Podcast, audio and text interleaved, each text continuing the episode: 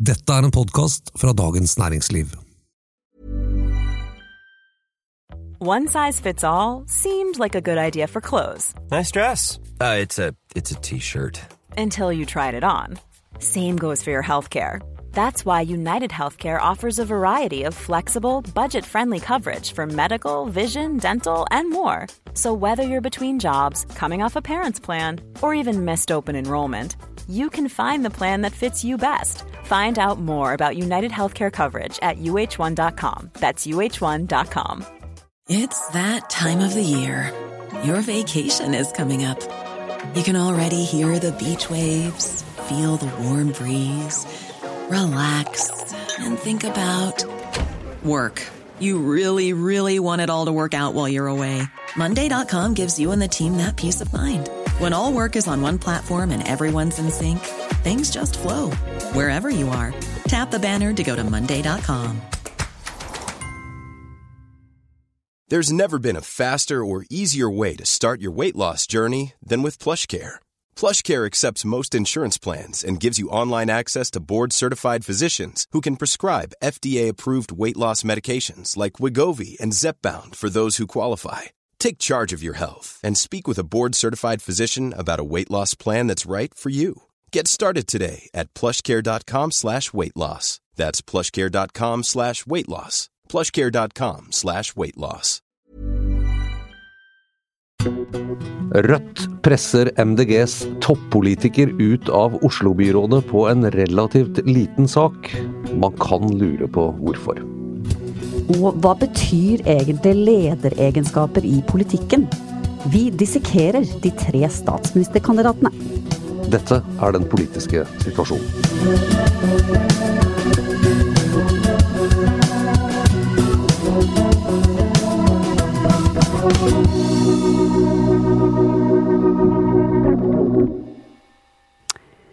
Du, Fridtjof, du har nettopp fulgt en pressekonferanse.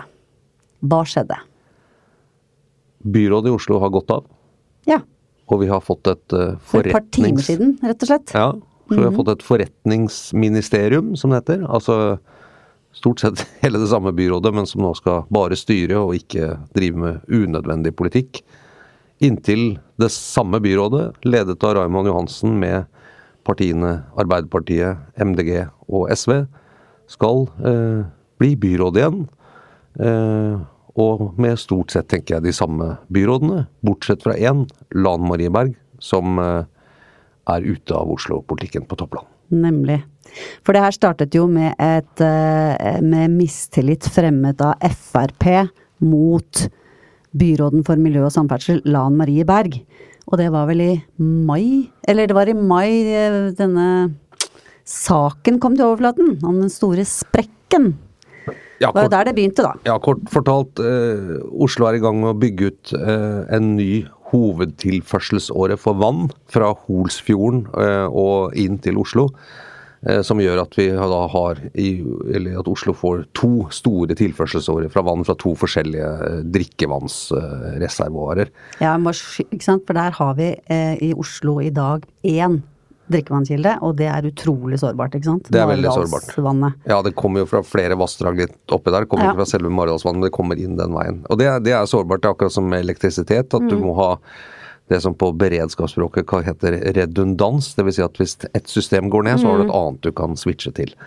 Uh, og Det som er litt spesielt med vann, eh, og veldig ukjent egentlig, vi tar jo vann helt for gitt uh, at vi har vann. ikke sant? Vann i springen og vann overalt. er at Mens eh, strøm kan man klare seg uten, eller det er ganske lett å finne backup-løsninger. Man kan ha generatorer som brenner diesel og lager strøm. Det er mange måter å lage strøm på. Eller grill, som Nav pleier å anbefale. Ja, eller grill, men, eh, men eh, vann, hvis den ene hovedvannforsyningen til Oslo hadde gått ut, så hadde, hadde Oslo sluttet å fungere veldig fort. Ikke minst sykehusene. De er helt avhengig av vann.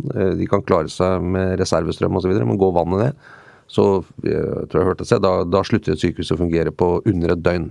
Og da, da er det umulig å få gjort noen ting. Og det er selvfølgelig eh, veldig, veldig kritisk. Ja. Så denne saken handler jo om å, å bygge ut alternativ, en alternativ vannkilde til Oslo. Og det er for så vidt ingen uenig i at det er utrolig viktig at vi må få på plass. Det har man snakket om i 50 år. Ja. Eh, og nå er det endelig kommet godt i gang. Ja, og det, og det, er jo ekstremt dyrt. Eh, ja. Det er en enormt stor utbygging. Det er veldig mye underjordisk ting. Det Oslo, altså Grunnforholdene i Oslo vet vi jo fra en del utbygginger er jo i og rundt Oslo er ganske krevende. Vi husker jo Romeriksporten, den tunnelen som vi i dag tar som en selvfølge når vi tar flytoget til eller fra Gardermoen. Den sprakk vel med 8 milliarder kroner på 90-tallet. Eh, etter at den derre Var det den derre Rockagill og denne, det tjernet som plutselig ja. forsvant osv. Det, det som å grave under jorda i Oslo, det er, det er, krevende. Og det er blitt mye dyrere enn det man så for seg. 40 ja. 5 milliarder. Per nå. ja. Per nå. Eh, litt, litt, også viktig at, så, så, vidt jeg forstår, dette går ikke på budsjettene. Det er ikke sånn at det plutselig budsjettet ryker med 5 milliarder, for dette finansieres gjennom kommunale avgifter som vi betaler mm. for vann. Eh, så det går liksom ikke over budsjettene, og det skal jo periodiseres utover veldig, veldig mange år. Eh, så jeg prøvde å liksom regne på hva en kostnadssprekk på 5 milliarder, hvor mye dyrere blir det for alle de som skal betale kommunale avgifter. Jeg tror det kanskje, mm. ja, Hvis du sprer det utover en 40-50 år, så blir det kanskje 200 kroner økt regning per, liksom, per regningspunkt. Det er, I året. Det er ikke så veldig mye, men, men det er jo store summer. Og så har hun latt være å informere bystyret om at man gikk mot en stor kostnadssprekk. Uh, før hun gjorde det nå i mai. Uh, hun sa hun måtte kvalitetssikre osv. Og, så og så sier bystyret skulle sagt fra mye før. Raymond Johansen sa oss i dag det hadde vært lurt om vi hadde involvert bystyret på et tidligere tidspunkt. Litt det er jo en klar, Ja. Det er en klar melding om at uh, det har vært kritikk av Lan Marie Berg, og kanskje en liten dråpe selvkritikk òg. Han er tross alt sjefen. Ja, han sitter jo over henne og har et visst ansvar også. Det er jo kanskje derfor han stilte dette kabinettspørsmålet istedenfor å ja, det altså i hvert fall så har han visst om sprekk, den kostnadssprekken han nå, uten at han tok pressa på for å si at dette måtte til bystyret. Og, det, eh, og så er det det som hun er mistilliten av utspringet, det at eh, ikke at du har gjort noe galt, du skulle sagt fra før. Det er jo ingen som tror at det kunne vært unngått og vi kunne spart masse penger hvis du bare hadde sagt fra. Det er bare at hun sa fra veldig sent og har vært litt arrogant med det etterpå. Ja, men jeg, jeg har også hørt eh, Venstres representant f.eks.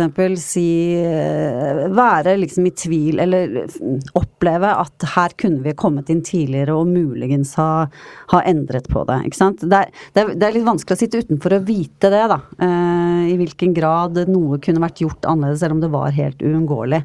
For det som liksom ligger i noe av den mistilliten, går jo også på at Eh, her, vi ikke, her, ble vi ikke involvert, og dermed når det så kom på bordet med en sånn kjempesprekk, så hadde vi ikke noe valg. Altså da, da er på en måte bare, Da må vi bare kjøre på med det prosjektet.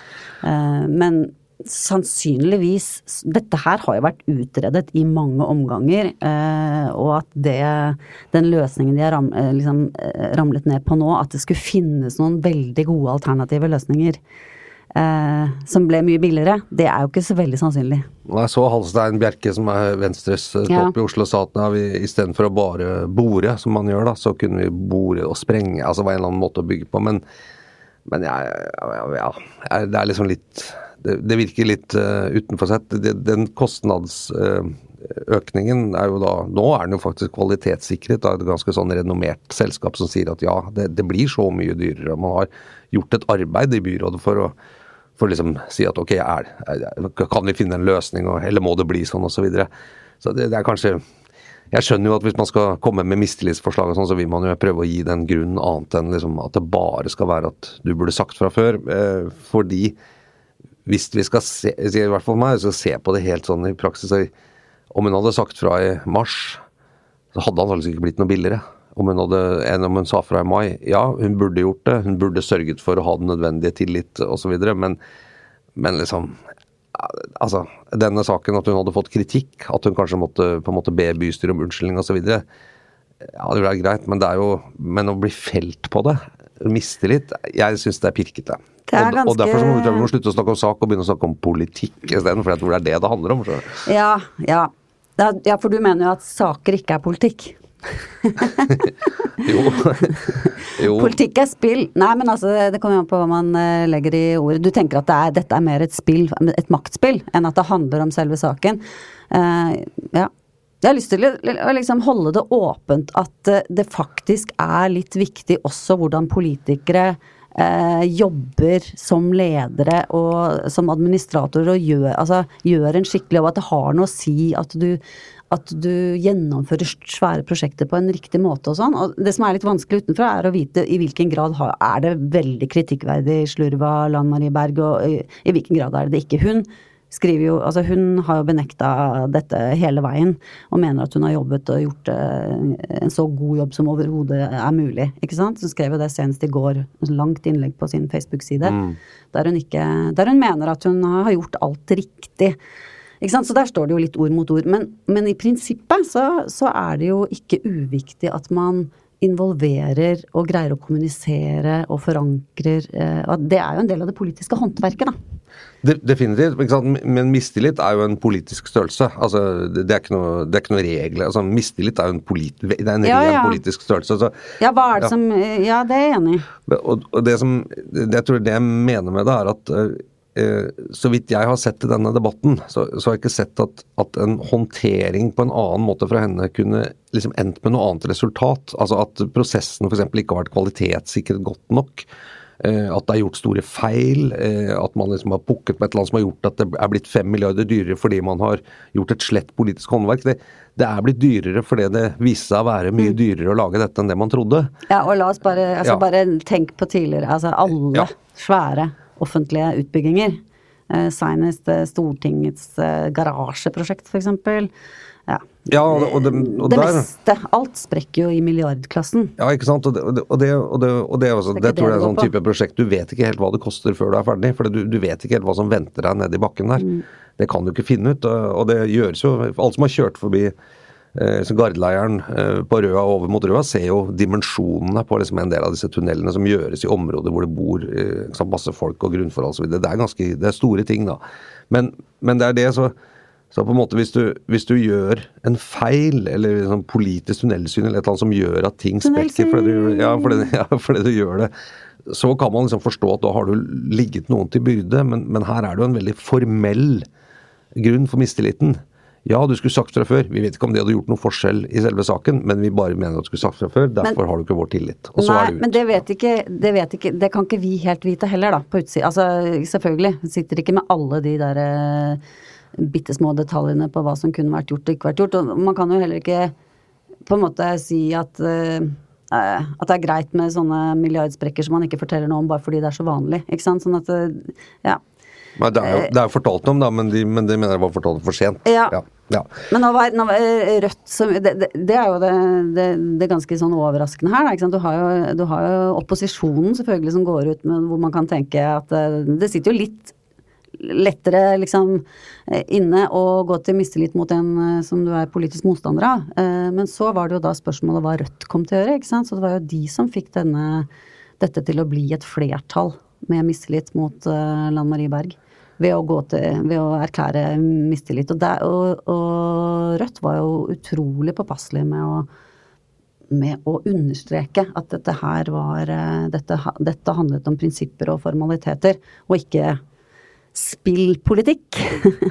Ja, Rødt sin uttalelse var jo nærmest som om de var slags forpliktet mot sin vilje til å stemme for denne mistilliten, fordi at sånn er systemet. Det er det selvfølgelig ikke. Det er et valg de hadde å gjøre Ja. det. Det var mange Altså det, det er mange, mange som har raslet med mistillitsfabler på Stortinget, men også endt med på en måte kraftig kritikk eller andre typer ting, for å si klart fra at man, dette skal, ønsker vi ikke skal gjenta seg. Og og som du sier, videre. ti- tillit er jo en politisk størrelse i den forstand at det, det er ikke noe du er, liksom kan måle og si at nå har vi kommet opp til så og så høy mistillit, og da må vi. Ikke sant. Altså det er ja, Ja. det er noe som vurderes uh, politisk. Så da får vi jo behandle det som det det er, nemlig Mm. en politisk vurdering så- fra Rødt om at uh, her, her måtte noe skje. Og så trodde man jo kanskje at ja, de signaliserte ikke hadde tillit til Anne Marie Berg. Eh, kunne hun da gå av uten å ta med seg hele byrådet? Byrådet stilte seg bak henne og sier hvis dere erklærer mistillit mot henne på dette grunnlaget, så går hele byrådet av. Det er det som er kabinettspørsmål. Kabinettsspørsmål. Ja, da er vi tilbake til sånn samfunnsfagboka. Ja, for du stiller jo mistillit mot en- mot én statsråd eller én byråd, ikke sant. Og så kan man, eh, kan man jo da Og så svarer da hele regjeringen eller byrådet med å si at eh, ja, hvis, du, hvis dere stemmer for det, så går vi av alle sammen. Ikke sant. det var nettopp ja. det er én kabinett, det finnes flere kabinettspørsmål òg. hvis ikke vi, dere vedtar dette budsjettet vårt, så går vi av, f.eks. Ja. Men, men her var det det. Og så gikk de av.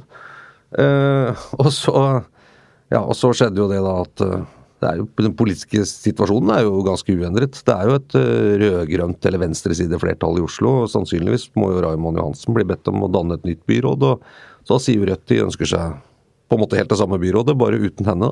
Ja. Og så er vi der. Så de må liksom innom en sånn avsette hele byrådet-manøver for å avsette Lan Marie Berg. Ja, og, og det har de gjort. Og da, sant? hvorfor ikke sant? Og, ja, de får svare for seg, og det er ikke sikkert de sier alt hva de har. De har vel en formell begrunnelse på hva den egentlig men tjener det Rødt å avsette Lan Marie Berg? MDGs mest kjente politiker og førstekandidat i Oslo, nemlig, og dermed helt avgjørende for MDGs nasjonale oppslutning. MDG kan komme over sperregrensen hvis de gjør et veldig godt valg i Oslo, for der er det mange stemmer. De kan gjøre det dårlig mange andre steder. Gjør de et knallvalg i Oslo, så kan det dra dem over 4% nasjonalt. Tror du det har vært et lite møte med Bjørnar Moxnes her? Moxnes hevder jo det ikke har vært det, at det ikke liksom har vært på hans bord osv., men, men, eh, men eh, tja.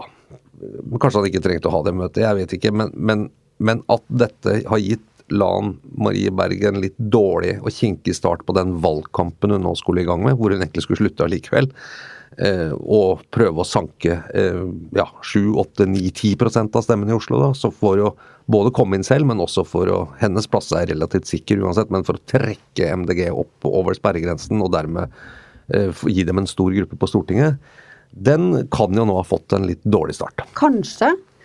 Og kanskje det Det kan jo hende det var målet, eller at det har ligget eh, der som en motivasjon for Rødt. Men på den annen side, kanskje kan det også virke motsatt. Er det mulig å se for seg? Offer. Altså offer eh, Det er mye, det er mye politisk eh, kraft i eh, offerrollen. Altså Ja, eh, det at det kan sikkert slå motsatt vei. Ja, For de som allerede er, er stemmer på dem, så vil det jo sikkert Ja. utløse liksom mye frustrasjon og raseri osv. Så, så det er, men det er et sjansespill fra Rødt. Den, altså, vil dette tjene Rødt, eller vil det ikke tjene Rødt at de gjorde dette? Men, men ikke sant.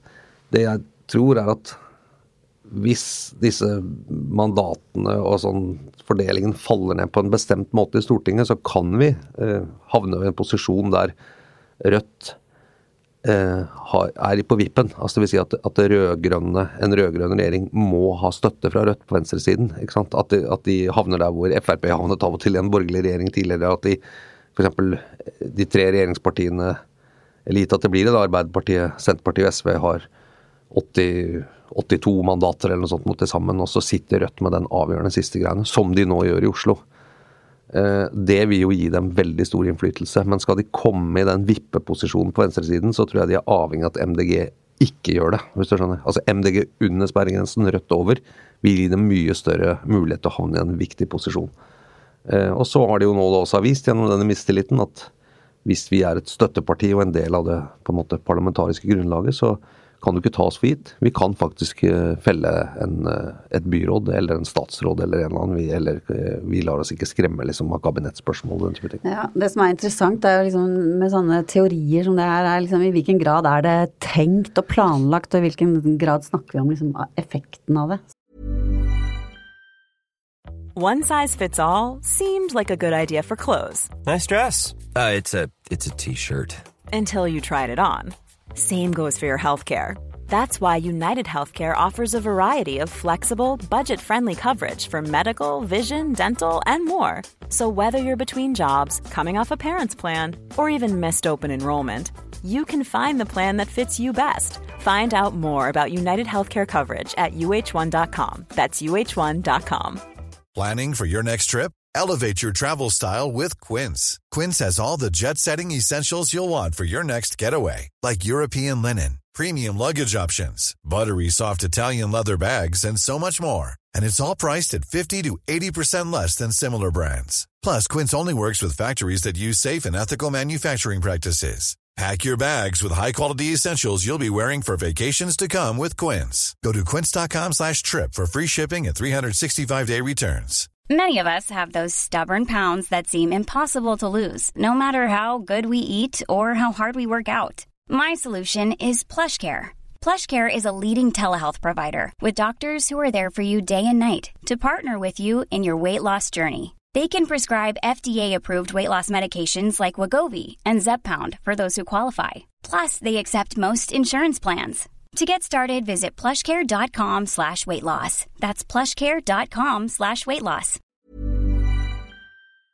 Men du har sett på noe annet denne uken, Eva. Det, og det, det, ikke sant, det er ja, nå, nå, var jo jeg på min kjeppheste måte bare er politikk og politikk, politikk, men det handler jo som du også påpekte litt om ledelse og prosess, og hvordan man på en måte forankrer sine beslutninger og, og opprettholder den nødvendige tilliten. Eh, hvert fall sånn som det skal Vi ikke liksom bare avfeie alle de formelle begrunnelsene eh, heller. Eh, ledelse eh, er også viktig, særlig når du, som politiker når du sitter i en sånn lederposisjon. Og du, du, har fått deg til å se på lederegenskapene hos de tre statsministerkandidatene. Så ja. Lan, Lan, er ikke statsministerkandidat. Nei, liksom ikke foreløpig i hvert fall. Nemlig Vedum Støre Solberg, da. Mm -hmm. og har du gjort en slags komparativ lederegenskapsanalyse av de tre? Eller dis disseksjon, som du kalte det. ja, disseksjon. Ja. ja um, Nei, altså Erna Solberg har vi jo hatt muligheten til å se som leder og statsminister.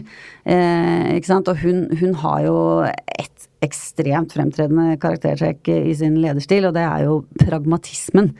Altså, Erna Solberg er ikke plaget av eh, veldig mye grubling, tror jeg, og liksom Og heller ikke drømmerier eh, og, og visjoner.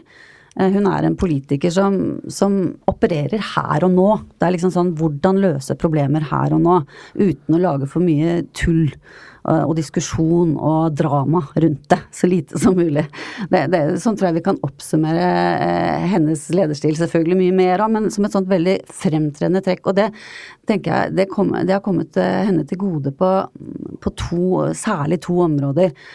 Og det ene er jo det å mekke sammen en regjering bestående av ja, to til tre til fire ulike partier, og særlig den bragden å da til slutt få Kristelig Folkeparti og Fremskrittspartiet inn i samme regjering. Eh, da er du en god, eh, en god snekker, altså. Og en god eh, pragmatiker og ja, god til å kompromisse. Mm. Og så tenker jeg at denne egenskapen har kommet veldig, veldig til nytte i koronakrisen. Mm. Fordi eh, Istedenfor å eh, la seg friste kanskje til å, å la det gå politikk. Eh, I hvert fall når det kommer til krita, når det blir, eh, når det blir eh, konflikter og vanskelige, eh, vanskelige perioder i, i, denne etter hvert langvarige krisen, så, så, så har hun en stil som går ut på å prøve å få Bare få finne løsninger, rett og slett. Mm. Altså sånn at, eh, sånn at og, og, ja, selvfølgelig ikke perfekt håndtering, men at det er bedre enn å være veldig ideologisk styrt uh, i en krisesituasjon. Det tror jeg. Jeg, jeg tror uh, En ting som jeg Inntrykket av liksom er en av hennes styrker som politiker og, og leder da, for, en, for en sånn politisk flertallssamarbeid, er at um, hun klarer å lage et rom der, der, disse fire partiene skal være sammen, som er litt avgrenset. Altså, Det er noe sånn, den klisjeen 'politikk er det muliges kunst', ikke sant? men at, at hun har fått dem til å si at ja, vi må møtes for å bli enige om ting. Ja, det kommer til å bli konflikter. Vi kommer til å være uenige om mange ting. Det kan godt synes. Det er ikke noe problem, vi er fire forskjellige partier. Men vi, vi møtes på en eller annen måte med en slags sånn felles forståelse at innenfor dette på en måte rommet Eh, men ikke fysisk rom, men altså en slags sånn avgrenset greie. Så det her kan konflikten utspille seg. Her finner de også en eller annen form for kompromiss. Eh, og jeg krever ikke at alle skal være veldig fornøyd. Jeg krever ikke at alle skal være liksom veldig sånn inne med hjerte og sjel i dette greiene. Men det er rasjonelt for alle fire partiene å være i dette. Det vil alle gi eh, partiene mer innflytelse, mer gevinst, enn de ville fått ved å være utenfor det rommet. Mm. Og noen ganger tror jeg liksom grensen er ja, du er liksom 51% nytte med å være inne og 49 på å være på utsiden, men, men hun har liksom klart å holde det. Og selv når Frp gikk ut av regjering med brask og bram, så har hun klart å holde dem inne som en del av liksom den borgerlige samlingen og bli enige om budsjetter og pakker og alt dette. Og der ligger det en ganske sånn utrolig sånn som du sier, sånn resultatorientert eh, Jeg kan kalle det pragmatisme, men ganske sånn avgrensa. Si at jeg er ikke så opptatt av at det skal være så fint eller se så perfekt ut eller være sånn flagg og Eller at hun skal seire, nødvendigvis, eller være suveren. Vi må bare få det gjort, ja, på en måte. Få, ja. få det gjort. Og det er det vi er voksne folk. Vi må Liksom, få det gjort. Ja, ikke sant? Type ting. Og vi har jo fått en tredje statsministerkandidat uh, hoppende inn fra sidelinjen de siste par ukene. Det er jo en uh, litt annen type enn uh, enn Erna Solberg, i hvert fall. Altså mm, eh, Trygve Slagsvold Vedum, han, han har jo noen eh, veldig likende sider ved seg, ikke sant, som alltid kommer godt med. Altså Han virker blid, han er imøtekommende, han virker eh, smart, gatesmart. Skjønner litt hva han driver med. Um, men jeg tror kanskje en av hans viktigste lederegenskaper tross alt er at han har en han har en idé om hva slags samfunn han har lyst til å være med å lage, og det kommuniserer han liksom så ofte han kan. Og det eh, kan man egentlig sette litt sånn nostalgimerkelapp på, for det, det samfunnet han, altså det Norge vi er så glad i, det er eh, antagelig mer i fortid enn i, i fremtid. Um, så han tegner et bilde som treffer uh, Som jeg tror treffer hjertene til alle som, som lengter tilbake til noe som de har, uh, har mista. Uh, enten det er liksom offentlige tjenester nær seg der de bor,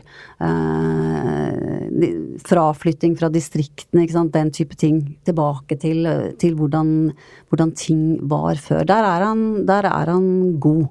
Og det så man jo eh, også på hvordan han holdt den landsmøtetalen sin, ikke sant, med, med nærhet er stikkordet. Det er liksom nærheten som har blitt borte i det moderne samfunnet, det skal vi tilbake til. Det er ganske sånn det er ganske sånn derre small is beautiful, eh, konservativt og nostalgisk.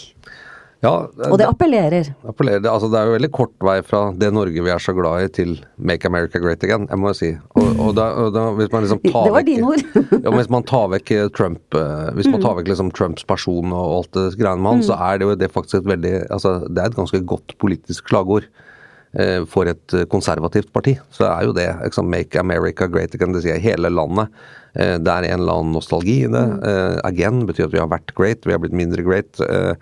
Og vi kan gjøre noe med det. Så, liksom, sånn rent slagordmessig veldig effektfullt og, og tydelig. Og så Nå er det liksom forknippet så veldig med en, med en veldig sånn utrert og, og uærlig og spesiell politiker, som vel ikke på en måte lever opp til sitt eget slagord, men som, men som et eh, som en slager for et konservativt parti, så, så mener jeg det er, det er Ja. godt. Og helt legitimt også, ikke sant. Ja. Mm. Ja, ja, eh, og ja, du kan jo se den, den utviklingen mange steder. Altså, du har noe av det samme med brexit-prosessen i England, ikke sant. Og eh, vi har jo en, en slags konkurranse i nasjonalisme i norsk politikk for tiden, med liksom Fremskrittspartiet og Senterpartiet som, som de, kanskje de, de fremste konkurrentene. Eh, men når det gjelder Vedum, så er han ikke bare liksom godslig og, og grei og nostalgisk, men han er også en utpreget maktpolitiker. Eh, han veit hva han driver med.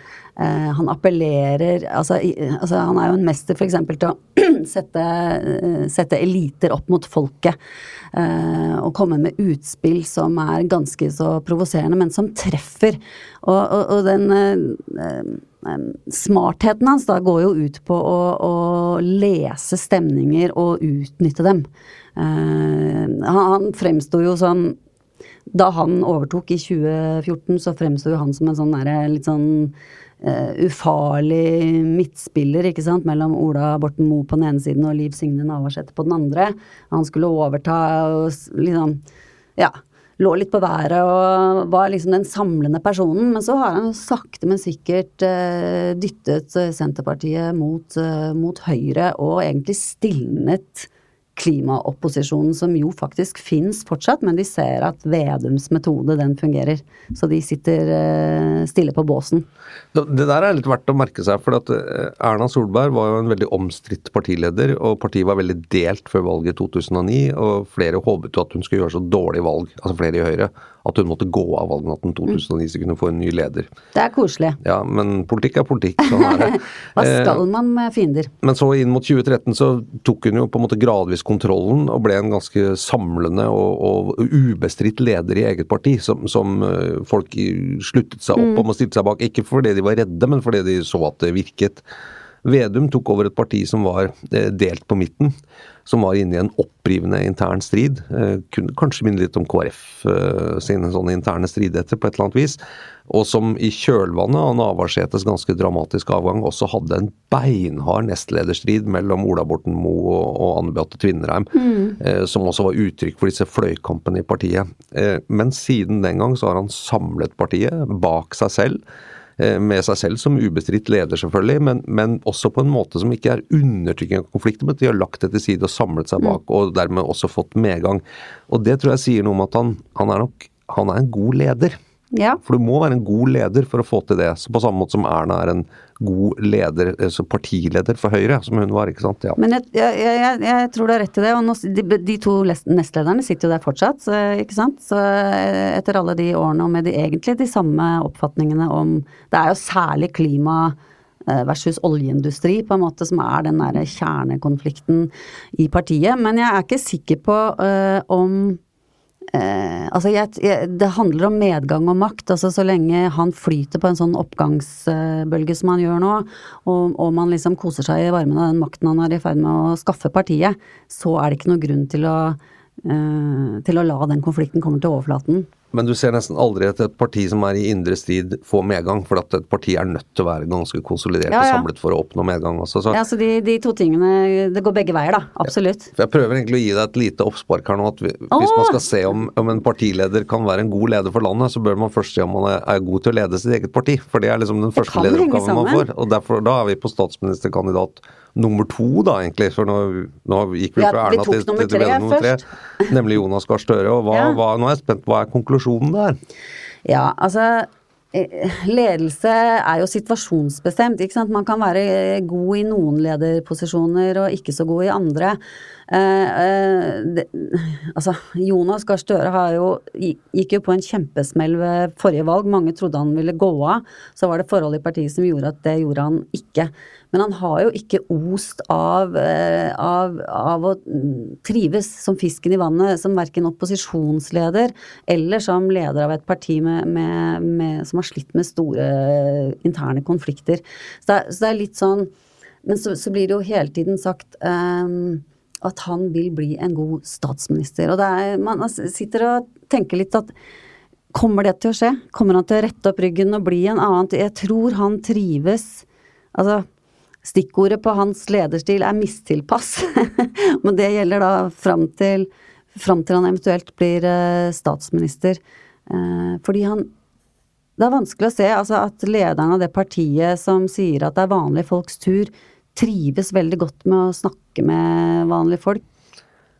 Hvis man skal være statsminister og dermed leder for en eh, koalisjon eller et samarbeid med flere partier, det, det tror jeg vi har sett nå de siste åtte årene, så kan man jo i hvert fall ikke eh, bli frustrert eller redd av krangel, disharmoni, eh, bakspill. Altså den type ting. Konflikter, nedsnakking, utspill som setter på en måte den ytre harmonien i spill osv. Dette, dette har jo Erna Solberg levd med i åtte år hun har jo på en måte bare trukket på skuldrene og sagt sånn ja ja, vi vil ikke bruke de ordene, eller alle får si hva de mener, eller vi blir enige om det som er viktig å bli enige om. Og, Der er Gahr Støre en helt mener. annen type. Ja, det er litt spent på man liksom, for at, for at det er jo ikke eh, For hvis du, hvis du er statsminister, og du vil jo bli eh, hyllet og, og lede som, og vært populær hos mange, men av de du på en måte sitter i regjeringen og de andre partiene og sånt nå, så, så er du, blir jo ikke dyrket eller hyllet eller noe sånt. Du, du er jo et hinder man skal rundt, eller man skal prøve og sånn. Så det, så det er jo ikke noe, det er ikke noe enkeltting. Man må i hvert fall være kan ikke ha noen illusjon om at det er noe lett. Og de sakene som havner på ditt bord politisk, de er jo ikke, det ikke de lette sakene. Det er egentlig bare de vanskelige sakene. Ja, og en lederrolle vil alltid innebære at du gjør feil, eller at noen syns du gjør feil. Du, du går ikke, ikke sant? Det er ikke Severin Suveren-øvelsen. Det er eh, Hvis ikke så leder du ikke, ikke sant. Altså da lener du deg tilbake og lar ting bare skje. Og det, det er jo en Ja, du kan kalle det en form for ledelse, en form for ikke-ledelse. Eh, som vi kanskje har sett noe av også fra Støre, eller i hvert fall som mange har kritisert ham for. da, F.eks. i konfliktene med Giske og metoo som i partiet. Det er mer om det for de som vil eh, lese din uh, veldig gode kommentar om dette uh, i uh, avisen på lørdag, eller på nett allerede. Ja, morgen? Ja, morgen tidlig. Den, eller torsdag morgen, det heter. Før, før dette ja, det det. kommer ut. Vi mm. spiller inn dette på onsdag ettermiddag. Uh, ingen hemmeligheter har vi her. Nei. Vi overholder informasjonsplikten til lytterne ja, før vi blir, blir, felt av mistillit. uh, den politiske situasjonen, det er, som du har hørt nå, er DNs ukentlige podkast om politikk, da, med, med Eva Grinde og meg, Fridtjof Jacobsen. Vi sender ut hver uke. Produsenten vår heter Oskar Bremer. Og vi blir veldig glad hvis du abonnerer på oss, uh, og gjerne anbefaler oss til andre, så de også kan abonnere. Men takk for denne uken. Ha det bra.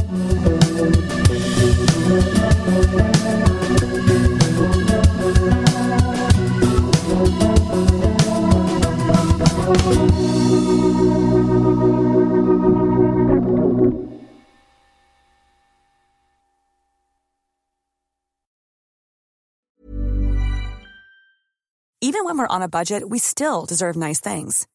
Quince is a place to scoop up stunning high-end goods for 50 to 80% less than similar brands. They have buttery soft cashmere sweaters starting at $50, luxurious Italian leather bags, and so much more. Plus, Quince only works with factories that use safe, ethical, and responsible manufacturing. Get the high-end goods you'll love without the high price tag with Quince. Go to quince.com/style for free shipping and 365-day returns. Du har nå hørt en podcast fra Dagens Næringsliv.